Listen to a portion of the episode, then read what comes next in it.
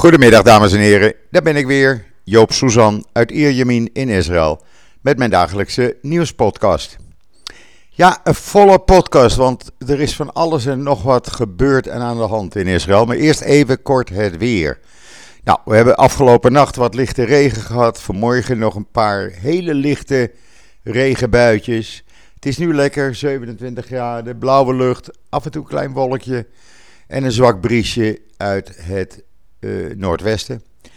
En daar moeten we het mee doen. En uh, het is eigenlijk iets te laag voor de tijd van het jaar. Het hoort zo'n 29 graden te zijn. Maar goed, met een paar dagen is die temperatuur weer normaal, zegt men. En dan, ja, er is heel wat aan de hand in Israël, zei ik u. Nou, vanmiddag uh, is de her, herdenking van 26 jaar geleden dat Rabin, Yitzhak Rabin, vermoord werd door Yigal Amir. En normaal gesproken, die herdenking begint om drie uur onze tijd. Ik zal kijken of ik de videolink straks op social media kan zetten. Uh, die herdenking wordt altijd bijgewoond door alle politici, de president, de premier, de oppositieleider.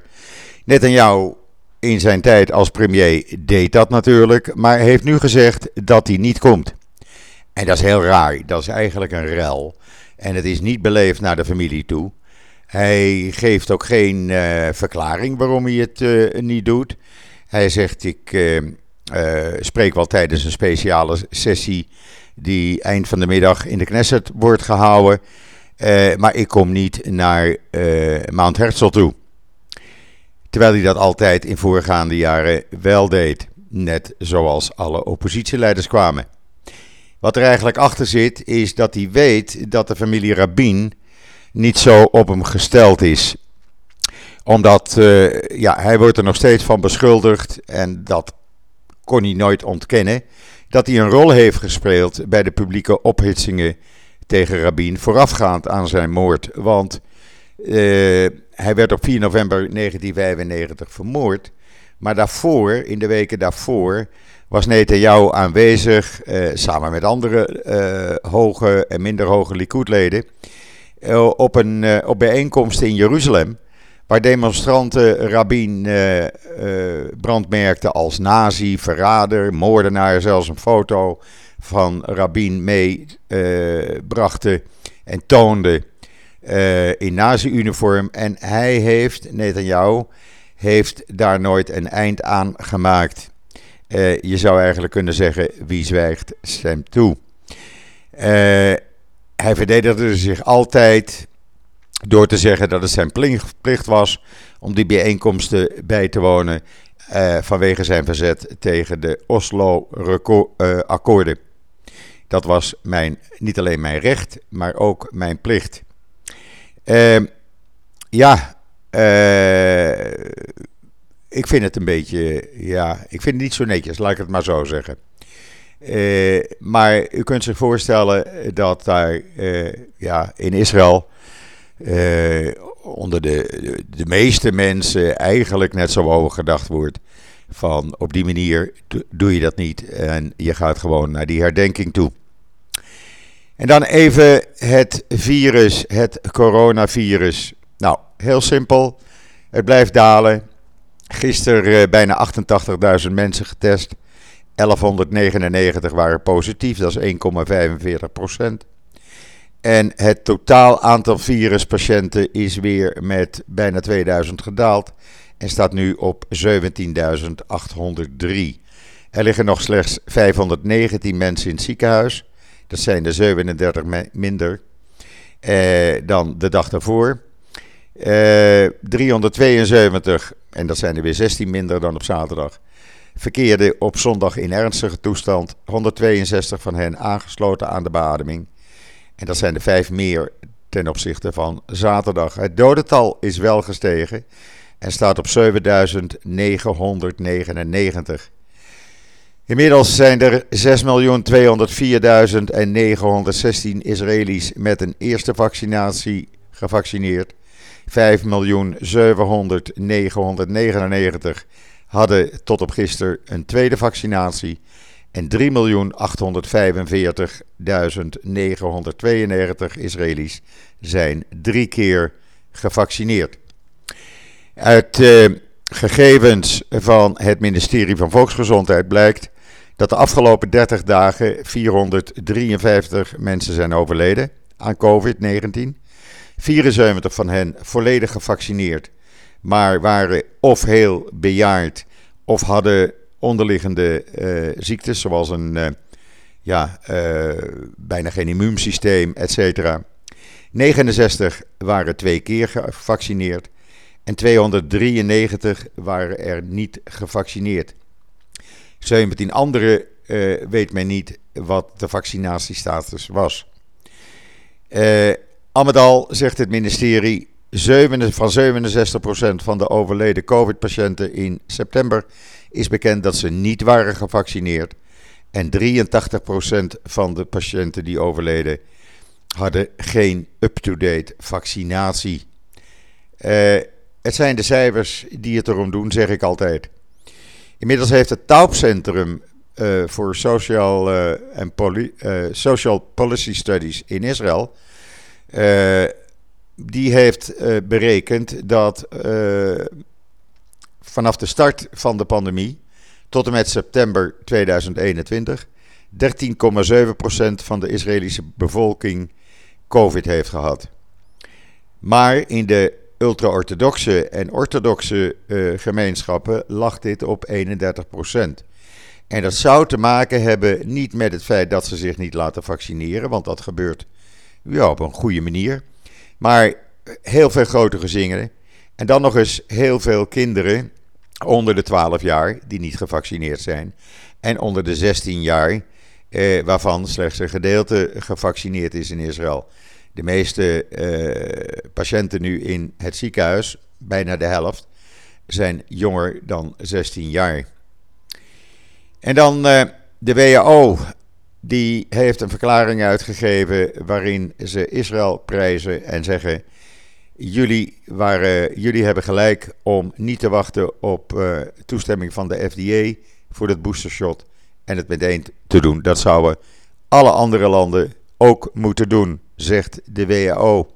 U kunt het lezen in Ynet en op mijn Twitter-tijdlijn. En dan. Uh, ja, we hebben die uh, cyberattack gehad op dat ziekenhuis Hillel Jaffe in Gadera, net ten noorden van waar ik woon. Nou, de hele computersystemen die zijn nog niet online. Dat gaat nog dagen, weken duren. Alles wordt nu met de hand gedaan. Maar volgens uh, de cybersecurity chef van het ministerie van Gezondheid was dit vrij zeker een hack bij, door Chinese hackers. Uh, alleen maar om geld te eisen. Uh, dat is waar men nu uh, van uitgaat. Het was puur financieel, zegt men. Inmiddels zijn er aanvallen uh, gedetecteerd en afgeslagen op een aantal andere ziekenhuizen. Men probeert het echt en men blijft het proberen. Dus ja, een situatie waar niet iedereen blij van is. En dan voor Israëlaters een artikel in de Jeruzalem Post, wat ik op mijn Twitter-timeline heb staan. Uh, apartheidstaat Israël, nou vergeet het maar. In het Igilov ziekenhuis, dat is het uh, grote ziekenhuis van Tel Aviv. Daar is een Arabisch-Israëlische vrouw benoemd tot directeur van het borstkanker- en borstchirurgiecentrum en dat is een hele belangrijke functie. Uh, en dan zult u zeggen, ja, maar waarom is dat dan nieuws? Nou, omdat er zo vaak wordt gezegd: Israël is een apartheidstaat, Arabieren zijn tweederangs burgers. Uh, dit is weer een bewijs daarvan. En ik kan u zeggen, ik heb daar uh, ruim drie jaar geleden zelf mee te maken gehad in hetzelfde ziekenhuis. Toen mijn inmiddels overleden partner daarbij werd behandeld voor uh, pancreaskanker. Uh, en de meeste artsen die haar behandelden waren Arabische artsen. En we hebben daar nou alleen maar uh, de meeste complimenten voor de manier, de deskundigheid. Want het was een Arabische arts uiteindelijk. Die in het begin van het hele proces zei tegen ons: Ja, ik wil nog één test doen. Eh, we komen er niet uit, maar laat mij nou nog één test doen. Nou, oké, ga je gang. Dat was een jonge Arabische arts. Hij deed die test en vier uur later bleek dat het uh, pancreaskanker was. En dat uh, weten we, wisten we toen op dat moment alleen maar doordat een Arabische arts zo clever was om nog één test uit te voeren die andere artsen, ja, ik wil niet zeggen over het hoofd hadden gezien, maar in ieder geval niet aangedacht. En ik vind dit uh, weer een teken dat iedereen in Israël gelijkwaardig is.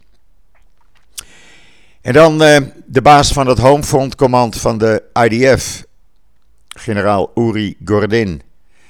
Hij zegt: Wij bereiden ons voor dat mocht er een oorlog komen met Hezbollah, dan krijgen we minimaal 2000 raketten per dag richting Israël. Uh, dat is ietsjes meer als dat we in die 11 dagen in mei hebben gehad. Want toen kregen we in 11 dagen 4400 raketten uh, op ons dak. En dit is uh, dan per dag 2000. Dat is wat hij denkt. En men is zich daarop aan het voorbereiden.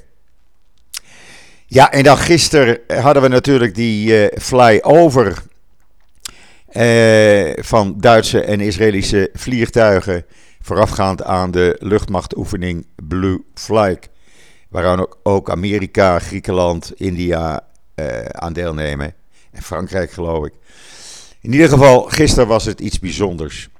Um, en dat hele verhaal, inclusief twee bijzondere video's, kunt u zien op israelnieuws.nl. En ik zal u zeggen wat het was. Eerst was er een, uh, gingen de twee commandanten, de Israëlische en de Duitse commandant van de luchtmacht, naar Yad Vashem. Dat was al heel bijzonder. Die video kunt u ook zien in israelnieuws.nl. En daarna was er een flyover over de Knesset, over Jeruzalem, over Yad Vashem. En dat was eigenlijk een vervolg op wat een paar maanden eerder in Duitsland gebeurde. Toen Israëlische en Duitse vliegtuigen over Dachau en de plaats waar de Olympische uh, Israëlische sporters werden vermoord tijdens de Olympische Spelen in München. Als eerbetoon vloog men daar overheen. En nu deed men dat dus over Jeruzalem, Yad Vashem en de Knesset. Dat was al heel bijzonder. Maar men ging verder. En ik kwam daarachter toen ik uh, opeens gistermiddag, eind van de middag, wat lawaai hoorde. En ik keek uit mijn raam en ik zie een hele formatie vliegtuigen met uh, de commandant erboven vliegend langs de kust van noord naar zuid vliegen. Heel bijzonder om dat te zien. En in het persbericht wat ik van uh, de IDF kreeg afgelopen nacht, zit diezelfde, zat diezelfde video. Ik heb hem uh, via YouTube omgezet en u kunt hem dus nu bewonderen op israelnieuws.nl. Doe dat, want het is echt iets heel spectaculairs, iets heel bijzonders. En het was voor de eerste keer sinds het einde van de Eerste Wereldoorlog dat de Duitse vliegtuigen over dit gebied vlogen. Echt, ik, uh, ja, ik vond het uh, heel apart. Dan hebben we een artikel op israelnieuws.nl, de speciale connectie tussen Yitzhak Rabin en Ben Gurion. En dat ging over briefuitwisselingen. Nou, de brieven staan erin. Heel bijzonder allemaal. Ik ga het niet verklappen. U moet het zelf maar even gaan lezen. En dan, zoals ik eh, vanmorgen al op Twitter schreef, we horen niets van Human Rights Watch. We horen niets van hun directeur, meneer Kenneth Roth. We horen niets van al die pro-Palestijnse, pro-Hamas-organisaties, ook in Nederland. Je hoort er niets over, over het feit dat Hamas twee mensen ter dood veroordeeld heeft. Uh, en dat gaat geschieden door ophanging. En twee mensen 15 jaar dwangarbeid heeft opgelegd. opgelegd. En dat meneer Abbas uh, een man 15 jaar in de gevangenis uh, laat zitten. Omdat hij land aan of grond aan Joodse Israëli's heeft verkocht. Je hoort niemand daarover. En ik, uh, ja, ik vind dit toch een grof schandaal. Uh, helemaal Hamas, wat denken ze wel? Twee mensen ophangen door ophanging. En meneer Kenneth Roth, de Nederlandse organisaties die Hamas steunen, uh, Human Rights Watch, complete stilte. Dan, ja, we hebben op Israël Nieuws natuurlijk af en toe, of regelmatig, allerlei onderzoeken uit Israëlische universiteiten. En nu is er weer een onderzoek over kunstmatige zoetstoffen. Die kunnen spijsverteringproblemen en ongemak veroorzaken. Hoe? Ja, dat moet u zelf dan maar even lezen op israelnieuws.nl. Maar het is een heel uitgebreid onderzoek geweest. En sportsupplementen hebben daar. Uh, sporters die dat gebruiken, lopen ook weer een risico. Dus kijk daarmee uit, zou ik zeggen. Lees het op israelnieuws.nl. En dan, ja, uh, het is al zo normaal, Israël en de Verenigde Arabische Emiraten, alles wat daartussen gebeurt. Maar er gaat nog veel meer gebeuren, want de Israëlische ambassadeur in de Emiraten heeft aan Israëlische zakenlui die op bezoek zijn in Abu Dhabi gezegd dat er heel spoedig een vrij handelsakkoord tussen Israël en de Emiraten is. Nou, dat is helemaal fantastisch natuurlijk. Dan kan je in- en exporteren op een hele makkelijke manier. En dan is er nog uh, bonje bij de Palestijnse terreurorganisaties, de PLO, het Populair Front voor de Bevrijding van Palestina, het, Democratische Front voor de Bevrijding van Palestina, de Palestijnse People's Party. Uh, dat is een voormalige communistische partij en ze zijn kwaad op Abbas omdat ze geen geld meer van hem krijgen. En uh, dat pikken ze niet. Dus bonje in de tent. Hoe dat gaat aflopen, we houden de vinger aan de pols voor u natuurlijk. En dan maken Israëlische uh, defensie officials ja, zich zorgen over het uitbreiden van de aanvallen van zich settlers noemend, noemende uh, jonge kolonisten. Die uh, steeds meer aanvallen op Palestijnen en hun bezittingen uitvoeren. En dat moeten ze een keer stoppen. Ik vind dat ze zich, de IDF moet zich niet alleen bezorgd maken. Die moet die gasten nou eens een keer aanpakken. En zorgen dat dat niet meer gebeurt. Want het zijn allemaal van die jonge gassies die niks anders doen dan vernielen eh, en brandstichten, et cetera. En dat moet gewoon een keer stoppen. Nou, u ziet, er is genoeg uh, in Israël aan de hand. Never a dull moment, zullen we maar zeggen. Oh ja, nog één dingetje. Facebook, was hier, dat was hier in het nieuws, heeft aangekondigd dat ze in Europa 10.000 mensen zoeken voor het bouwen van uh, metaverse dat is een virtual reality versie, versie van het internet. Dus ik zou zeggen, zoekt u een baan, gaat solliciteren bij Facebook. En dan gisteravond liet een man in Gaifa zijn hond uit. Nou, hij ligt nu in het ziekenhuis, want er werd aangevallen door een wild zwijn. Ja, die lopen nog steeds daar rond. En dan als laatste, u weet nog wel, een paar weken geleden, die Duits-Israëlische zanger, die zei: Ik mag dat hotel in Leipzig niet in met mijn Davidster. Het blijkt dat er een, op, een nieuwe video is opgedoken van voor het moment dat hij dat hotel in wil. En hij droeg helemaal geen Davidster. Dus misschien heeft hij de boel een beetje belazerd. Misschien wil hij publiciteit, liep zijn muziek niet zo lekker. In ieder geval, ik vind dit uh, schandalig om het zomaar eens even te noemen. Dat gezegd hebbende, zie ik dat ik alweer tegen de 20 minuten uh, aan, u, uh, aan het praten ben. En ja, de tijd gaat zo snel eigenlijk. Maar ik wou toch ook, ook nog even zeggen dat twee Israëlische judoka's twee keer goud hebben gewonnen en een bronzen medaille op de Grand Slam uh, judo in Parijs. Is toch ook wel weer een dingetje om uh, trots op te zijn. Ja, en dan hebben we natuurlijk de 200 naakte, witte, geschilderde mannen en vrouwen.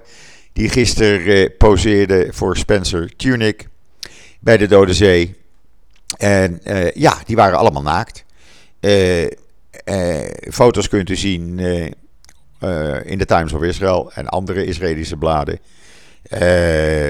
mensen van alle leeftijden, jong, oud, met buiken, uh, geen buiken, dik, mager, slank. Nou, alles zat ertussen. En het kan omdat het kan in Israël. Brengt mij tot het eind van deze podcast. Ik uh, hou mijn uh, social media in de gaten. Want ik ga later op de dag, krijg ik hopelijk de videolink. En dan kunt u live de herdenking bijwonen van de moord op Yitzhak Rabin 26 jaar geleden in Jeruzalem. En die herdenking speelt zich af op Mount Herzl in Jeruzalem. Vanmiddag om drie uur onze tijd begint het. Dat is twee uur in Nederland. Houd dat in de gaten, dan kunt u dat live zien. Breng mij tot het einde van deze podcast van maandag de 17e oktober. Rest mij u nog u allemaal een hele fijne voortzetting van deze maandagmiddag toe te wensen. Ik ben er morgen weer en zeg zoals altijd: tot ziens, tot morgen.